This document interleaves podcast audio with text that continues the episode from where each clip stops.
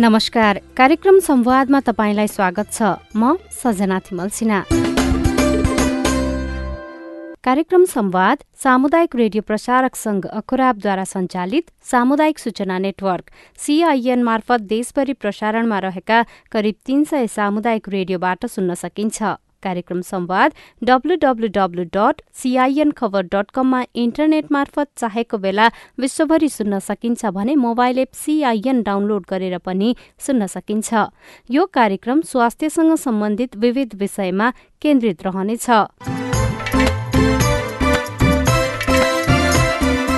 आजको कार्यक्रममा हामी आगोसँग सम्बन्धित चोट कसरी लाग्छ अनि यो चोट कम गर्न गर्नुपर्ने कामका विषयमा कुराकानी प्रस्तुत गर्नेछौं। चिसो मौसम चलिरहेको छ। यो समयमा गर्मी मौसममा भन्दा आगलागीका घटना धेरै हुने गरेका छन्। नेपालमा प्रत्येक वर्ष दुई हजार एक सय जना मानिसको जलेर मृत्यु हुने गरेको सरकारी तथ्याङ्क छ। आगोले पोलेको चोटपटकको उपचार गर्ने काठमाडौँको किर्तिपुर अस्पतालमा मात्रै वार्षिक औसत छ सय जना उपचारका लागि पुग्छन्। त्यसको बाइस प्रतिशत मानिस बचाउनै नसकिने अवस्थामा पुग्ने गरेका उपचारमा संलग्न डाक्टरहरू बताउँछन्। यसरी मृत्यु हुने मध्ये अधिकांशले प्राथमिक उपचार पाएको भए बचाउन सकिने सम्भावना बढ़ी देखिने उनीहरूको भनाइ छ।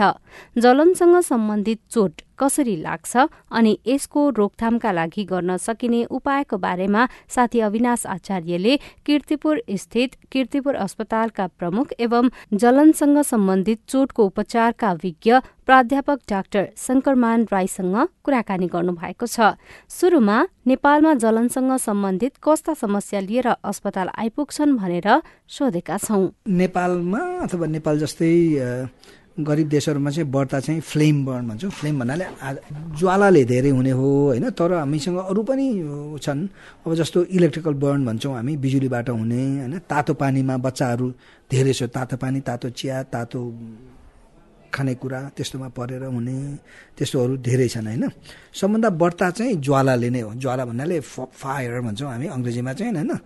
के भने त्यसलाई आगोकै ज्वाला। त्यसले नै कसरी भन्दाखेरि जस्तो फिमेलहरू हुनुभयो भने तराईमा जाडो हुँदाखेरि उहाँहरूले आगो ताप्नु पऱ्यो ताप्दाखेरि अगाडिबाट हेर्दाखेरि उहाँहरू सुरक्षित नै हुनुभयो किनभने they can they see what is happening अनि अगाडि मात्रै यसरी गरेपछि पछाडि चिसो हुन्छ।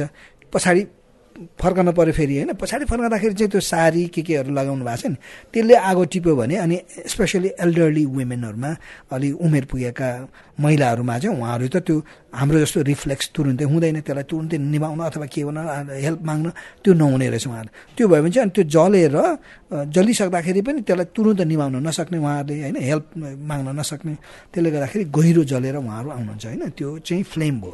अब इलेक्ट्रिकलमा चाहिँ धेरै यसो कस्तो छ भन्दाखेरि बिजुलीमा काम गर्ने मान्छेहरू अथवा असावधानी तरिकाले काम गर्ने अथवा कहिले कहिले चाहिँ त्यो तारहरू नै तल झरिरहेछ हाई भोल्टेजको तारहरू जमिनमा छ बच्चाहरूलाई थाहा छैन होइन?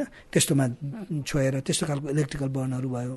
अर्को चाहिँ नि बच्चाहरूमा चाहिँ बढ्ता चाहिँ त्यो तातो पानी तातो तेल जनावरहरूको लागि पकाएको खानेकुराहरू कुँडो सुँडो के के भन्छ नि गाउँमा त्यस्तो खालकोमा परेको के झुक्किएर।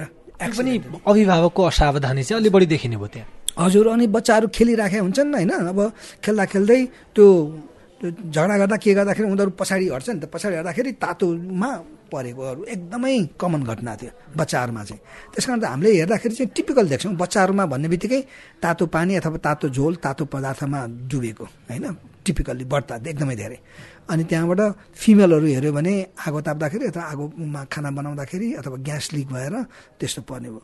छोरा मान्छेहरूमा हेर्ने भने अधिकांश चाहिँ त्यो बिजुलीको कारण र अरू चाहिँ एक्सिडेन्टली पर्ने खालको जस्तो भनौँ त्यो ग्यास लिक भएर ग्यास लिकमा त जो पनि पर्न सकियो होइन? छोरा मान्छे छोरी मान्छे बच्चाहरू पनि पर्न सके।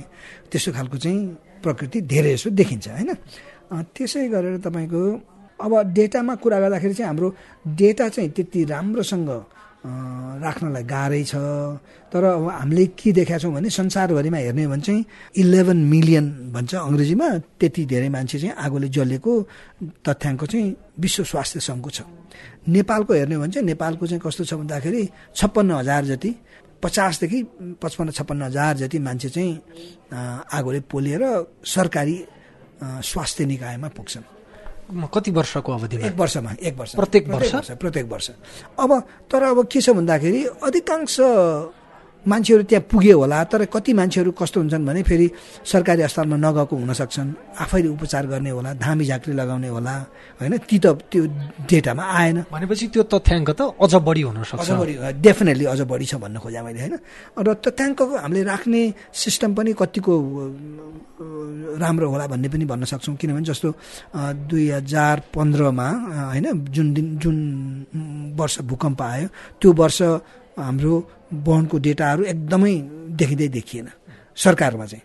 जबकि हाम्रै सानो एउटा अस्पतालमा हामीले झन्डै दुई सय मान्छे त हामीले यहीँ भर्ना गरेर उपचार गर्नु एक वर्षभरिमा त्यो वर्ष ट्वेन्टी फिफ्टिनमा होइन?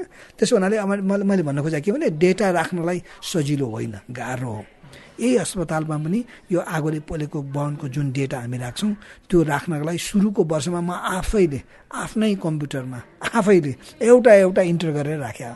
त्यो पछाडि अरू डाक्टर राखेर अब अहिले इभेन्चुली अब यहाँ रिसर्चरहरू भएको हुनाले उहाँहरूले नै राखिदिनुहुन्छ र सजिलो भएको छ होइन? त्यस कारण मैले भन्न खोजेँ के भने डेटा राख्नलाई गाह्रो छ। तपाईँ अर्को अस्पतालमा जानुहोस् त्यहाँ गएर तपाईँले सोध्नु होला गएको वर्ष कतिजना यहाँ भर्ना भयो भनेर पनि भन्न सक्नुहुन्न। हामीले चाहिँ यहाँ डेटा राख्छौँ। यहाँ यहाँ यहाँ पनि तपाईँले यहाँ डेटा लेख्नु होला होइन? हाम्रो डेटा चाहिँ हामीले चाहिँ त्यो चाहिँ त्यो कलेक्ट गर्नुपर्छ र त्यसले नै हामीलाई गाइड गर्छ भन्ने हामीले बुझ्या हो कि? त्यस कारण चाहिँ हामी राख्छौँ होइन? अब त्यस्तै गरेर डेटाकै कुरा गर्दाखेरि चाहिँ अब संसारभरिको कुराहरू धेरै छ त्यसमा तपाईँलाई धेरै इन्ट्रेस्ट नहोला होइन? नेपालकै कुरा गर्दाखेरि चाहिँ नि केही कति वर्षदेखि चाहिँ यस्तो खालको चाहिँ झन् होइन पचपन्न हजार जति मान्छे सरकारी तथ्याङ्क अनुसार नै देखिरहेछौँ होइन हामीले होइन? अब हाम्रो अस्पतालमा चाहिँ के छ भन्दाखेरि चाहिँ नि यस्तो चाहिँ हाम्रो यो अस्पतालमा भर्ना भएका बिरामीहरू दुई हजार चौधमा जम्मा नब्बेजना भर्ना भएका अहिले छ सयभन्दा माथि पुगिसके। र यो वर्ष अब छ सय पचास नागेर सात सय पुग्न बेर छैन अहिले। त्यस्तो खालको छ। दुई हजार बिसमा चाहिँ यो तथ्याङ्क घटेको जस्तो देखियो पाँच सय उन्नाइसजना कोभिडले कोभिडले। कोभिडले कोभिडले गर्दाखेरि। कोभिडले गर्दाखेरि अब दुई हजार पन्ध्रमा अघि मैले भने दुई हजार पन्ध्रमा एक सय चौरानब्बे त हामीले नै यहाँ गऱ्यौँ जबकि गभर्मेन्टको डेटामा चाहिँ देखिएन होइन? अघि मैले देखाएँ नि गभर्मेन्ट डेटामा देखिएन। अब त्यसै गरेर अब नेपालभरि चाहिँ एक्काइस सय जति मान्छे मर्छन् आगोले पोलेर भनेर विश्व स्वास्थ्य सङ्घको डेटा हो त्यो। हाम्रोमा सयजनामा बाइसजना जति मर्छन् यहीँ होइन? छ सयजना भर्ना भयो भने कति भयो? झन्डै एक सय बिस एक सय तिसजना मान्छे हाम्रोमै मरिसके। त्यो एक्काइस सय चाहिँ नेपालभरिमा मर्छ भने उनीहरूको तथ्याङ्क हो। त्यस्तो छ। अब अर्को तथ्याङ्कमा अब के छ भन्दाखेरि धेरै जल्यो भने चालिस प्रतिशतभन्दा माथि शरीरको भाग भनौँ शरीरलाई सय भाग मान्यौँ हामीले तीमध्येमा चालिस प्रतिशत चाहिँ सर्फेस चाहिँ जल्यो भने मान्छेलाई बचाउन नै गाह्रो हो नेपाल जस्तो देशमा। नेपालमा मात्रै होइन कि नेपाल जस्तो गरिब देशहरूमा चाहिँ त्यो नै गाह्रो छ। आकल झुकल बाँच्छन् जस्तो अहिले पनि हामीले पहिलो वर्ष हामीले एउटा पनि बचाउन सकेका थिएनौँ ट्वेन्टी फोर्टिनमा। अब अहिले आएर हामीले आठ वर्षको अन्तरालमा तिनजना जलेर आए चालिस प्रतिशतको भने एकजनालाई हामी बचाउन अहिले सक्ने भएको छौँ। अर्को कुरा नि डाक्टर साहब जस्तो काठमाडौँमै केही दिन अगाडि नै एउटा घटना घट्यो। एउटा किशोरी चाहिँ जल्दै गर्नुभएको थियो र उहाँलाई जलिरहेको केही व्यक्तिहरूले हेरे मात्रै। तत्कालै के गर्ने भन्ने पनि जानकारी नहुँदाखेरि। कोही मान्छे जलिरहेको छ र उसलाई बचाउनका लागि अर्को देखिरहेको मान्छेले के गर्न सक्छ के गर्यो भने चाहिँ त्यो जलिरहेको मान्छेलाई जोगाउन सकिन्छ र क्षति कम गराउन सकिन्छ। त्यो चाहिँ एकदमै सिम्पल कुरा हो। अब हाम्रो आफ्नै शरीरै जल्यो भने चाहिँ हामीले के गर्नु पर्यो भने दौडाउनु भएन र भुइँमा लड्न पर्यो र लडीबुडी गर्नु पर्यो। लडीबुडी गर्ने बित्तिकै तपाईँको शरीरमा लागेको आगो आफै निप्छ। तर यो हजुरले भन्नुभएको घटना चाहिँ आफैले इन्फ्लिक्ट गरे हुनाले उहाँले त त्यो गर्ने हुनु भएन। अनलेस अब फेरि उहाँको डिसिजन चेन्ज भयो कि वाइ सुड आई डाई भन्ने भयो भने अब सी क्यान डु द्याट होइन? तर अब that was not the case in this in this scenario उहाँलाई चाहिँ अरू मान्छेहरूले हेरेर बचाउन सक्ने उपायहरू विभिन्न हुनसक्छ। एउटा चाहिँ ठुलो कम्बल छ हामीसँग भने त्यो कम्बलले उहाँलाई ढाकिदिने भने त्यो आगो निप्छ। सिम्पल कुरा। अर्को हामीसँग पानी थुप्रो छ पानी लगाएर पनि हामी निभाउन सक्छौँ।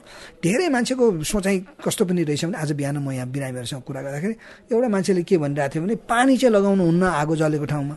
पानीमा त हाइड्रोजन हुन्छ त्यस कारण चाहिँ झन् आगो बल्छ भनेर भन्दै हुनुहुन्थ्यो होइन? त्यस्तो खालको विश्वास पनि रहेछ। त्यो गलत हो। पानीले आगो निभाउँछ। पानीले आगो निभाउनु नत्र दमकलहरू किन चाहियो त होइन? कतिपयमा पानी छम्किँदा पीडा अझ धेरै हुन्छ त्यो हुनाले नछम्क्यौँ भन्ने पनि सुनिन्छ। त्यो फरक कुरा हो पानी त लगाउनै पर्छ जलेको भागमा। जलेको भागमा हामीले पानी लगायौँ भने चाहिँ त्यो गहिरो हुन पाउँदैन। घाउ जलेको घाउ गहिरो भएन भने हामीले अपरेसनै गर्न पर्दैन। जलेको घाउ जतिसुकै तिस प्रतिशत चालिस प्रतिशत भने तापनि यदि गहिरो छैन भने हामी ती मान्छेलाई बचाउन सक्छौँ।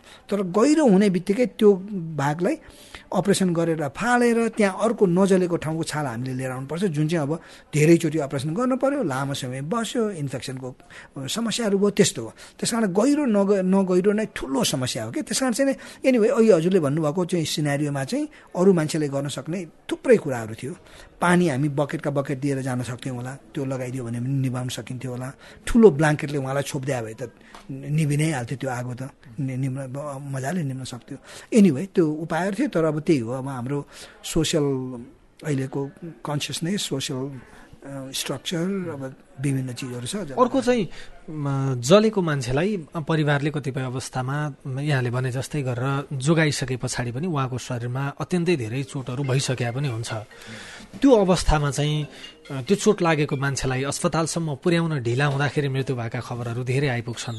त्यो समयमा घरमै सामान्य हिसाबले त्यो चोटको क्षति कम गराउनका लागि गर्न सकिने उपायहरू केही हुन्छन्? एकदमै राम्रो प्रश्न यो। यसमा चाहिँ के छ भन्दाखेरि सबैभन्दा महत्त्वपूर्ण नै साँच्चै भन्यो भने पानी लगाउनु। होइन? त्यसमा जुन जलेको भाग छ त्यसमा चाहिँ धाराको पानी अथवा बकेटमा छ पानी। जे पानी लगाए पनि भयो सफा पानी हुनु पऱ्यो तर त्यो पानी चाहिँ हामीले पर्याप्त पानी त्यहाँ खनाइराख्ने आधा घन्टासम्म। आधा घन्टासम्म। त्यो खनाउने काम चाहिँ हामीले जलन पछाडि जति सक्दो छिटो गऱ्यौँ त्यति नै राम्रो।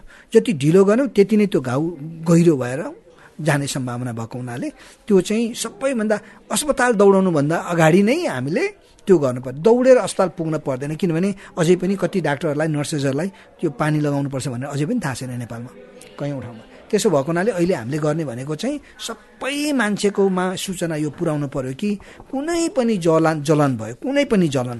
त्यो आगोको मात्रै होइन तातो पानी तातो तेल बिजुलीको कुरा भयो जु कुनै पनि कारण एसिड अल्काली जेले जले पनि पानी लगाउनु पर्यो कम्तीमा आधा घन्टासम्म। जलेको भागमा मात्रै कि? अरू ठाउँमा सबै ठाउँमा लाँदाखेरि फेरि चिसोले अर्को हुने डर हुन्छ। त्यो पानी एकदमै चिसो हुन जरुरी छैन। कुनै पनि पानी कुनै पनि पानी। किनभने हाम्रो शरीरको तापक्रमै सैँतिस डिग्री सेन्टिग्रेड त तापक्रमै छ नि त। सैँतिस डिग्री सेन्टिग्रेड त हाम्रो टिस्यु त ड्यामेज भइरहेको त छैन। त्यसो हुनाले हामीले चाहिँ सय डिग्रीको तातो लागेको थियो भने त्यसलाई हामीले पानी लगाएर थर्टी सेभेन सैँतिस डिग्री चालिस डिग्रीमा ल्याइदिउँ भने पनि ड्यामेज त भएन नि त। आइडिया चाहिँ के हो भने त्यहाँ भएको हिटलाई बाहिर निकाल्ने डेसिपेट भन्छौँ हामी अङ्ग्रेजीमा डेसिपेट गराउने र त्यसलाई चाहिँ नर्मल टेम्पचरमा ल्याउ पुऱ्याउने। त्यो गऱ्यो भने त्यो ड्यामेज एकदमै कम हुन्छ। ड्या डिप नहुने बित्तिकै गहिरो नहुने बित्तिकै हाम्रो उपचार एकदमै सजिलो। गहिरो हुने बित्तिकै त्यो एकदमै लामो उपचारको कुराहरू भयो। त्यस्तो। तपाईँ अहिले कार्यक्रम संवाद सुनिरहनु भएको छ। आज आइतबारको संवादमा हामी स्वास्थ्यसँग सम्बन्धित विविध विषयमा कुराकानी गर्छौं। आज हामीले जलनसँग सम्बन्धित चोट अनि यो चोट कम गर्ने उपायको बारेमा काठमाडौँ स्थित किर्तिपुर अस्पतालका प्रमुख एवं जलनसँग सम्बन्धित चोटको उपचारका विज्ञ प्राध्यापक डाक्टर शङ्करमान राईसँग कुराकानी गरिरहेका छौं। अघि यहाँले पनि भन्नुभयो धेरैजसो उदाहरणहरू यहाँ पेस गर्नुभयो। ज्वालाले हुने दुर्घटना अनि बिजुलीको तारबाट हुने दुर्घटना र अन्य विभिन्न कारणले हुने दुर्घटना। तपाईँले उपचार गर्दै गर्दाखेरि चाहिँ धेरै बिरामीहरूको उपचार गर्दै गर्दाखेरि यो मान्छेले यस्तो खालको सावधानी गर्दै भए त यो अवस्था आउँदै आउँदैन थियो भन्ने खालको केही लाग्छ होला तपाईँलाई? मान्छेले के सोच्यो भने चाहिँ जल्दै जल्दैन? के सोच्यो भने चाहिँ त्यो अवस्था आउँदै आउँदैन? के के कुरामा सावधान भयो भने चाहिँ त्यो अवस्था आउनबाट जोगिन सकिन्छ? हजुर यो त एकदमै महत्त्वपूर्ण प्रश्न हो। अब हामीले चाहिँ नि नम्बर वान सबै बेलामा हामीले चाहिँ नि लिनुपर्ने कुरा भने सावधानी हो होइन? घटना त हुन्छन् तर सावधानी लियो भने ती घटनाहरू कम हुन्छन् नि त होइन? हामी जस्तो भनौँ साइकलमा जाँदैछौँ अथवा मोटरसाइकलमा जाँदै गाडीमा जाँदैछौँ। हामीले पहिले नै सावधान भएर हामी ड्राइभ गरिरहेछौँ डिस्ट्र्याक्ट नभइकन होइन? भने अभियसली एक्सिडेन्टहरू कम हुनसक्छ अब हुँदै हुँदैन भन्न सकिएन किनभने अर्कोले अर्को मान्छे आएर पनि तपाईँलाई हान्न सक्ला होइन? अब यो जलनको कुरामा चाहिँ के हो भन्दाखेरि हामी पहिले नै कुनै पनि चिज गर्दाखेरि भनौँ न हामी खाना बनाउन लागिरहेछौँ अथवा के गर्न लागिरहेछौँ अथवा कुनै केमिकल युज गर्नुपर्ने भएको छ बिजुली केही गर्नुपर्ने भएको छ ग्यास केही गर्नुपर्ने भएको छ त्यो बेलामा हामी पहिले नै सावधानी लियौँ भने त्यो कम हुने भयो। जस्तो भनौँ तातो पानी तातो तेलहरू हामीले बच्चाले भेट्ने ठाउँमा राखेनौँ। त्यो सावधानी हो। म मेरो घरमा बच्चा छ तँ दौडिराख्या हुन्छ। अनि मैले तातो पानी यत्रो ठुलो भाँडामा चाहिँ मैले भुइँमा राखिदिइरहेको छु। अथवा तातो कुनै चिज मैले त्यहीँ नजिकै राखिदिइरहेको छु। भनेपछि त अभियसली त्यो त घटना हुन सक्ने सम्भावना भयो। एउटा चाहिँ प्रिकाउसन भयो त्यो होइन? त्यो खालको प्रिकाउसन अब अर्को कुरा चाहिँ के हो भन्दाखेरि हामीले हाम्रो बसाइ हाम्रो के भन्छ त्यसलाई कसरी हामी बसिरहेछौँ कसरी हामी जीविका गरिरहेछौँ भन्ने कुरासँग पनि सम्बन्ध छ। जस्तो रहन्छ रहन्छन् ठ्याक्कै द्याट इज द वर्ड अब जस्तो भनौँ हामीले चाहिँ गाउँमा हामी गाउँमा छौँ अनि कोठाको भुइँको लेभलमा हामीले आगो बाल्नुपर्छ आगै बाल्नु पर्नेछ आगो बालेर हामीले खाना बनाउनु पर्नेछ आगो बालेर हामीले आफूलाई न्यानो बनाउनु पर्नेछ राति आगोमै हामीले चाहिँ प्रकाश हेर्नुपर्नेछ। प्रकाश पनि त्यसैको लागि आगो नै बाल्दैछौँ भनेपछि चाहिँ नि हामी त एकदमै हाई रिस्कमा भयौँ। तर समस्या के हो भने अहिले पनि संसारभरिका मान्छेहरू मध्येमा आधा जनसङ्ख्याले त्यसरी नै खाना बनाउनु पर्छ त्यसरी नै सुत्नुपर्छ र त्यसरी नै तातो भएर बस्नुपर्ने अवस्था अहिले पनि छ होइन? अब त्यसो हुनाले त्यो चिजलाई चेन्ज नगरेसम्म त अब हामीले ठुलो चेन्ज लिएर आउन सक्दैनौँ। एकजना दुईजना हामीहरू अलिकता कसियस भएर गर्न सक्छौँ एजुकेटेड मान्छेहरू। त्यसै पनि हामी एजुकेटेड मान्छेहरू त्यो रिस्कमा हामी त्यसै पनि कम छौँ। तर त्यो यो अहिले हाम्रो इन्फर्मेसन जसलाई पुर्याउनु पर्ने हो त्यहाँसम्म हामी पुग्नै सक्दैनौँ के त? किनभने गाउँको मान्छे भए अधिकांश गरिब भए त्यही कारणले उहाँहरूको रहन सहनको कारणले नै धेरै जसो त्यो घटना हुने हो नि त। त्यसो भन्नाले उहाँसम्म हामीले कसरी शिक्षा पुर्याउने शिक्षा मात्रै पुर्याएर पनि भएन नि त। तपाईँहरू हेर्नुहोस् यसरी जमिनको लेभलमा खाना बनाउनु हुँदो रहेछ आगो बाल्नु हुँदो रहेछ यसैको वरिपरि सुत्नु हुँदो रहेछ यो त खतरा भयो भनेर त कुनै त्यसबाट प्रतिस्थापन गर्न सक्ने उपाय छैन। हामीले चाहिँ विकल्प दिन सक्नु। विकल्प पनि कस्तो विकल्प हो भने उहाँले अफोर्ड गर्न सक्ने खालको उहाँले लिन सक्ने खालको। होइन? उहाँलाई चाहिँ हेर्नुहोस् यस्तो खालको इलेक्ट्रिकल ऊ छ पकाउने यसमा चाहिँ बिजुली पनि एकदम कम खर्च हुन्छ यसो गर्ने उसो गर्ने भनेर मात्रै त भएन।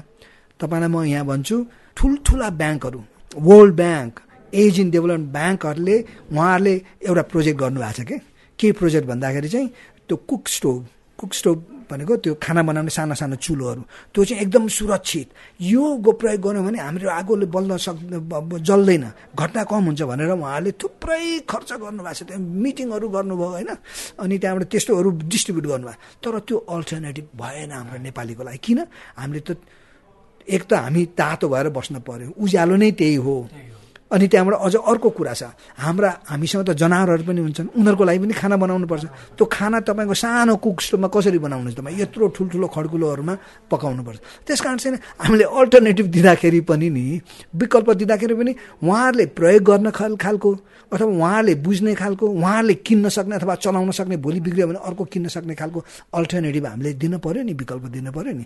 हजुरले सुन्नुभएको थियो होला अनि पहिले पहिले टोइलेट नभएको ठाउँमा टोइलेट बनाइदिए अनि टोइलेटमा चाहिँ के गरेर राख्थे? के के गर्थे? मान्छेहरूले? गहुँ अन्नहरू राख्ने अथवा भेडा बाख्राहरू के राख्ने? दिशा त बस्दैन थियो त्यहाँ किनभने त्यो त उहाँहरूको त्यो उहाँहरूको लागि रहन चेन्ज गर्न र त्यसो भएको हुनाले अल्टरनेट दिँदाखेरि पनि त्यसो भएको। अब विदेशतिरको कुरा गर्दा त उहाँहरूले त विभिन्न चिज लगाएर के विभिन्न चिज लगाएर सयमा असी नै कम गरिसक्नुभयो। त्यो त डेटै छ डब्लुएचओसँग डेभलप्ड कन्ट्रिजहरूमा जस्तो भन्नुहोस् उहाँहरूले के गरे भने तिनवटा ई प्रयोग गरे क्या एउटा ई चाहिँ भने एजुकेसन एजुकेसन भनेको चाहिँ त्यो अवेरनेस बढाएर यसो नगरौँ उसो गरौँ यस्तो गर्नुपर्छ उसो गर्नु यस्तो गऱ्यो भने यस्तो हुन्छ। ती सबै के हो? एजुकेसन भयो। त्यो गरे। त्यो पछाडि उहाँले इन्जिनियरिङ पनि लगाउनु भयो इन्जिनियरिङ कस्तो खालको? जस्तो भनौँ खाना बनाउँदाखेरि त्यो कपडाहरू कस्तो लगाउने भने त्यो फायर रिटार्ड गर्ने खालको क्या नजल्ने सजिलोसँग नजल्ने खालको कपडा। बच्चाहरूलाई खाना बनाउन थाले चाहिँ आमाले बच्चालाई त्यस्तो खालको कपडा लगाइदिन्छ। अब त्यो हामीलाई सम्भव भयो यहाँ त्यो हुँदै भएन होइन? अर्को उनीहरूले के गर्छन्? कुनै पनि घरमा कुनै पनि कोठामा स्मोक डिटेक्टर बिना उहाँहरू त्यो त्यो घरमा बस्नै पाउनुहुन्न। अब त्यो हाम्रो लागि त्यो त्यो अहिले गफै दिए जस्तो मात्रै भयो नेपालमा। इभन हाम्रो सरकारी भवनहरूमा पनि भर्खरै एक दुईवटा भवनहरूमा मैले त्यो देखेँ अहिले। त्यो स्मोक डिटेक्टरहरू भएको होइन। अब फाइभ स्टार होटलहरूमा भयो। देख्छु म फाइभ स्टार होटलमा। अब पुरानो बाहेक नयाँ फाइभ स्टार होटल तपाईँ जानु सबैमा छ अहिले होइन। फोर स्टारमा पनि हुन थालिसके। त्यो त्यो त्यस्तो चाहिँ इन्जिनियरिङ भयो। त्यसै गरेर अब अहिले त कस्तो खालको बनायो भने कोठामा तापक्रम बढ्यो भने माथिबाट पानी आफै झर्ने। स्प्रिङ्कलर भन्छ उनीहरूले त्यो झर्ने बनाइसके। भनेपछि त त्यसै पनि आगो नजल्ने भयो। अब हामी त्यो त परिकल्पना गरेर के गर्ने? अर्को ई छ फेरि उनीहरूको अर्को ई चाहिँ के हो भने इन्फोर्समेन्ट अफ द ल भन्नाले कानुनै बनाइदिने। जस्तो भनौँ अब नेपालमै नै त्यो ग्यास रेगुलेटर यहाँले देख्नु भएको होला। एक थरीको ग्यास रेगुलेटर छ त्यो नेपालमा मात्रै बिक्री गर्न सकिने के? एक्सपोर्ट टु नेपाल भनेर लेखाएको छ। कुनै एउटा हाम्रो छिमेकी देशबाट यहाँ हामी कहाँ आउँछ? अब त्यो यति असुरक्षित छ कि त्यो पाइपमा कतै पाल पर्यो पाइप फुस्क्यो भने पनि ग्यास आएको आएकै गर्छ। जबकि यहीँ हाम्रो मार्केटमै अहिले अर्को खालको चाहिँ विदेश स्पेसली युरोपतिर बनेको रेगुलेटर ग्यास रेगुलेटर आयो जुनले चाहिँ त्यस्तो पाइप फुस्क्यो भने अथवा पाइपमा पाल पर्यो भने त्यसले आफैले बन्द गर्छ। त्यस्तो खालको रेगुलेटर अटोमेटिकली त्यसले बन्द गर्छ। हामी कहाँ ग्यास लिक भएर हुने आगलागीका घटनाहरू पनि प्रशस्तै आउँछन् होला। त्यो सङ्ख्यामा सङ्ख्यामा भन्न सकिने अवस्था सङ्ख्यामा चाहिँ त्यस्तो एकदमै धेरै सङ्ख्यामा त पर्दैन त्यो होइन? तर सहरी इलाकामा चाहिँ यो कमन हो। काठमाडौँको जस्तै एकदम कमन हो। अब त्यसमा पनि तपाईँले सोधिहाल्नुभयो त्यसमा कमनली मिस्टेक हुने चाहिँ कस्तो खालको हुन्छ भने ग्यास लिक भयो जस्तो भनौँ राति ग्यास लिक भयो सुतिरहेको थियौँ हामी गन्दा आयो अथवा टोयलेटमा जानु पऱ्यो भने उठ्यौँ अनि गन्दा आयो। गन्दा आएपछि हामीले पहिले नै के गर्छौँ भने स्विच बाल्न थाल्छौँ। लाइट बाल्नलाई स्विच दबाउनु पऱ्यो स्विच दबाउँदाखेरि त्यहाँ स्पार्क हुन्छ यहाँले पनि देख्नुभयो होला। त्यो स्पार्कले त्यो आगो जलाइदिन्छ। त्यो पछाडि त बम पड्के जस्तो गरेर पड्कन्छ। राति हो भने। अब दिउँसो हो भने हामीले के गर्नु पऱ्यो भने त्यो हत्तर चाहिँ त्यो ग्यास आउने बित्तिकै त्यसो गन्ध आयो भने हामीले चाहिँ ढोकाहरू झ्यालहरू सबै खुला गर्नु पऱ्यो र आफू भाग्नु पऱ्यो बाहिर र ग्यास रेगुलेटर कहाँ छ त्यसलाई बन्द गर्नु पर्यो कोसिस गरेर। ग्यासको रेगुलेटरै बन्दिनु बन्द गर्नु पऱ्यो तर अधिकांश के भइराखेको हुन्छ भन्दाखेरि चाहिँ नि ग्यासको गन्ध आयो दिउँसो होइन? त्यो त दिउँसो त बत्ती बाल्न परेन। अब त्यहाँ ग्यास लिक भयो त्यो पछाडि घरको मान्छेले के सोध्छन् भने मैले अघि खाना बनाउँदाखेरि जुन त्यो ग्यास अन गरेका थिएँ त्यो चाहिँ अहिले पनि अनै छोडेछु मैले भन्ठान्छन्। अथवा आमाले बनाउनु भएको थियो उहाँले ग्यास अनै गरेर छोडिदिनु भएछ भन्ठान्छ उनीहरूले। अनि त्यो पछि उनीहरू दौडेर कहाँ जाने भए? त्यो स्टोभमा गएर त्यसलाई बन्द गर्न कोसिस गर्ने भए। त्यो त पहिले नै बन्द छ।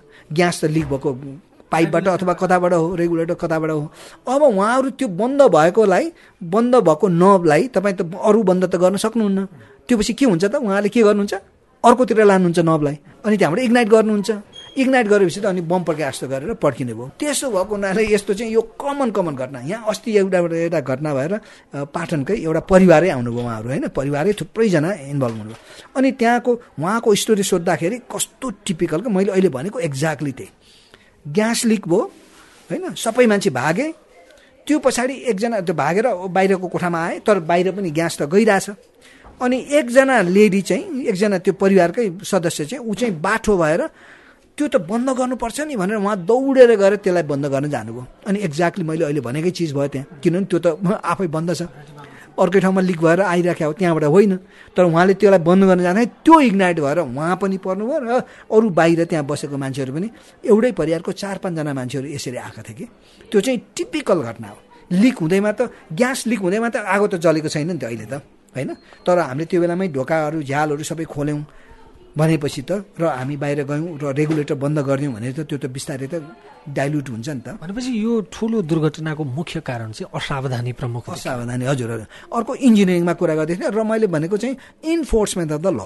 नियमै बनाइदिनु पर्ने रहेछ कि? हामी तपाईँ हामी हामी त मान्छे भयो नि हामी त जनावरै हो नि त होइन? हामीलाई चाहिँ कानुन नलगाइदिने हो भने हामी चाहिँ के अरे यसरी डिसिप्लिन भएर हामी नबस्ने रहेछौँ होइन? अब जस्तो भनौँ अब नेपालकै कुरा गरौँ न अब रक्सी खाएर अथवा मादक पदार्थ सेवन गरेर ड्राइभ गर्न पाइँदैन भनेपछि बल्ल त एक्सिडेन्टहरू कम भयो नि त होइन? त्यो पाइँदैन भनेको नियम बनाए त्यो पछाडि अनि पुलिसहरूले त्यो मापन गर्ने यन्त्र नहुँदाखेरि पनि नहुँदाखेरि पनि उहाँहरूले सुँगाएर आफैले सुँगेर मात्रै हो भने घटना त घट्यो कम भयो। एक्सिडेन्ट त धेरै कम भयो नि त तथ्याङ्कै छ। नियमले गर्दाखेरि त्यो चाहिँ इन्फोर्समेन्ट अफ द लले जबकि त्यो बेला उहाँहरूसँग मापन गर्ने यन्त्र पनि हुँदैन थियो तर मान्छेले के गरे ओ पुलिस बस्छ अब म खान्न म मैले ड्राइभ गर्नुपर्छ भनेर मान्छेहरूले पहिले नै ड्रिङ्क एन्ड ड्राइभ त पहिले नै बन्द गरे। त्यसो भए यो केस घटाउनका लागि चाहिँ कस्तो खालको कानुन आवश्यक छ? कस्तो खालको कानुन बन्नु पर्यो यो जल्ने खालका अब घटनाहरूमा जस्तो भनौँ अब सिम्पल कुरा भनौँ न सरकारले गर्न सक्ने जुन मैले अघि भने असुरक्षित खालको त्यो ग्यास रेगुलेटर त्यो बिक्री बन्द गर्नु पर्यो। बिक्री नै बन्द गर्नु पऱ्यो। त्यो सस्तो छ तिन चार सयको हो। अर्को अर्को महँगो चाहिँ एक हजार चौध सय कति जति छ अहिले होइन? अब त्यो अलिकता महँगो हो बरु त्यसलाई सब्सिडाइज गरिदिन सक्छ कि सरकारले? के को लागि? सेफ्टीको लागि। कसको सेफ्टीको लागि? आफ्नो जनताको लागि। नगरपालिकाले गर्न सक्ला। किनभने त्यो ग्यास धेरै जसो त अलिकता सहरी एरियामै प्रयोग गर्ने होला धेरै जसो त हामीले ग्यास होइन? त्यो ठाउँमा सब्सिडाइज गरेर भए पनि त्यो सेफ्टीको लागि मान्छे बचाउनको लागि हामीले गर्नुपर्ने हुनसक्छ होला कि? त्यस्तो एउटा एउटा भयो होइन?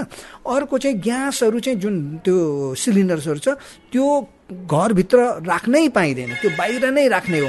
राख्न पर्छ भन्ने खालको त्यस्तो खालको रेगुलेसन कसले? नगरपालिकाहरूले वडाको मान्छेहरू गएर चेक गरेर तिम्रो घर बाहिर छ कि छैन भने चेकै गर्छ उनीहरूले। छैन भने ल तिमीले बाहिर राख्नुपर्छ नभए त्यो तिमीलाई सजाय हुन्छ भन्नु पऱ्यो होइन? कसको लागि? उसकै सेफ्टीको लागि हो। तर अब त्यो किनभने भोलि अब यस्तो चिजहरूमा चाहिँ केमा भर पर्दो रहेछ भने यदि त्यो उपचारहरू सरकारले नै गर्न पर्ने भयो नि शुल्कमा भने चाहिँ सरकारले त्यसलाई एकदमै उ गर्छ जस्तो भनौँ। सरकारले अहिले हामीलाई चाहिँ पानी पठाए अरे त्यो पानी खाएर म बिरामी भएँ डायरिया भएर पुरा सिकिस्तै भएँ। सिकिस्त भएपछि म सरकारी अस्पतालमै गएँ। सरकारी अस्पतालमा गएँ भने मेरो उपचार मैले मेरो खर्चमा गर्छु कि सरकारको खर्चमा गर्छु भन्नु त? मेरो खर्चमा मेरो खर्चमा। सरकारलाई मैले पैसा तिरेर पानी खाएको त्यो नराम्रो पानी खाएर म बिरामी भएँ। म सरकारी अस्पतालमै गएँ अर्को अस्पतालमा पनि गएको होइन। सरकारी अस्पतालमै गएँ र पनि फेरि मैले फेरि आफ्नै पैसाले म उपचार गर्छु भनेपछि सरकारले मलाई सफा पानी पठाउन जरुरी ठानेन नि त। जलेको उपचार सरकारले फ्रीमा गर्न पर्ने स्थिति भयो भने? त उसले त यो चिज त गर्न परिहाल्यो नि। किनभने प्रिभेन्सन नगर्ने भने त यो त बढेको बढेकै हुने भयो। यो बढेको कारण चाहिँ नै धेरै आगोले जलेर बढेको होइन कि? मान्छेहरूले थाहा पाउन थाले त्यस कारण आए। दुई हजार ट्वेन्टी नाइन्टिनको हामीसँग डेटा छ। त्यो ट्वेन्टी नाइन्टिनमा हामीसँग सेभेन्टी टू डिस्ट्रिक्ट्सबाट आएको थियो। एउटै एउटै वर्ष। बहत्तर जिल्ला। बहत्तर जिल्लाबाट। त्यो बेलामा सतहत्तर भइसकेको थियो के अरे होइन? त्यस कारण चाहिँ नि मैले भन्नु खोजेको के भने नेपालभरिकै मान्छेहरू यहाँ आउन थाले। अब हाम्रो अहिलेको प्रश्न चाहिँ के हो भने कमसे कम देशभरिमा एउटा चाहिँ पहिले एउटा सुरुवात गर्नु पऱ्यो नि त होइन? एउटा चाहिँ यस्तो सेन्टर बनाऊ जुन चाहिँ त्यहाँ राम्रोसँग उपचार गर्न सकियोस्। उपचारको सुविधाहरू सम्पन्न होस् त्यहाँ। डाक्टरहरू नर्सहरूको राम्रो ट्रेनिङ भएको ठाउँ त्यहाँ गएपछि चाहिँ आगोले पोलेको उपचार राम्रोसँग गर्न सकिन्छ भन्ने एउटा सेन्टर चाहिँ कम्तीमा एउटा सेन्टर त बनाऊ। भोलि दसवटा बनाउला भोलि पचासवटा बनाउला होइन? तर एउटाबाट सुरु गर्नु म यहाँबाट चाहिँ म सगरमाथा चढ्ने भने पहिले त स्टेप त एउटा स्टेप त लिनुपर्ने होला नि त मैले होइन र? म एकैचोटि सय स्टेप त हाँकेर पर त पुग्ने त होइन होला। त्यस कारण चाहिँ कमसेकम एउटा सेन्टर चाहिँ त्यस्तो बनाऊ भनेर अहिले हामी यहाँ लागिराख्या। र त्यसको लागि यहाँहरूको पनि पत्रकार सरहरूको पनि र सबैजनाको सहयोग चाहिएको छ क्या हामीलाई। उहाँ हुनुहुन्थ्यो काठमाडौँ स्थित किर्तिपुर अस्पतालका प्रमुख एवं जलनसँग सम्बन्धित चोटको उपचारका विज्ञ प्राध्यापक डाक्टर शङ्करमान राई। जलनसँग सम्बन्धित चोट लागेमा पानी हालेर चिसो पार्नुपर्ने सुझाव दिँदै हुनुहुन्थ्यो। यो कुराकानीसँगै हामी कार्यक्रमको अन्त्यतिर आइपुगेका छौं। आजको विषयवस्तु तपाईँलाई कस्तो लाग्यो? तपाईँ हामीलाई हाम्रो टेलिफोन नम्बर शून्य एक बान्न साठी छ चार छमा फोन गरेर आफ्नो कुरा भन्न सक्नुहुनेछ। यस्तै सीआईएनको Facebook page community information network सीआईएनमा गएर पनि आफ्ना कुरा लेख्न सक्नुहुनेछ। आजका लागि सीआईएनले तयार पारेको कार्यक्रम संवादबाट प्राविधिक साथी सुरेन्द्र सिंहसँगै सजना तिमल सिन्हा विदा हुन्छु। नमस्कार।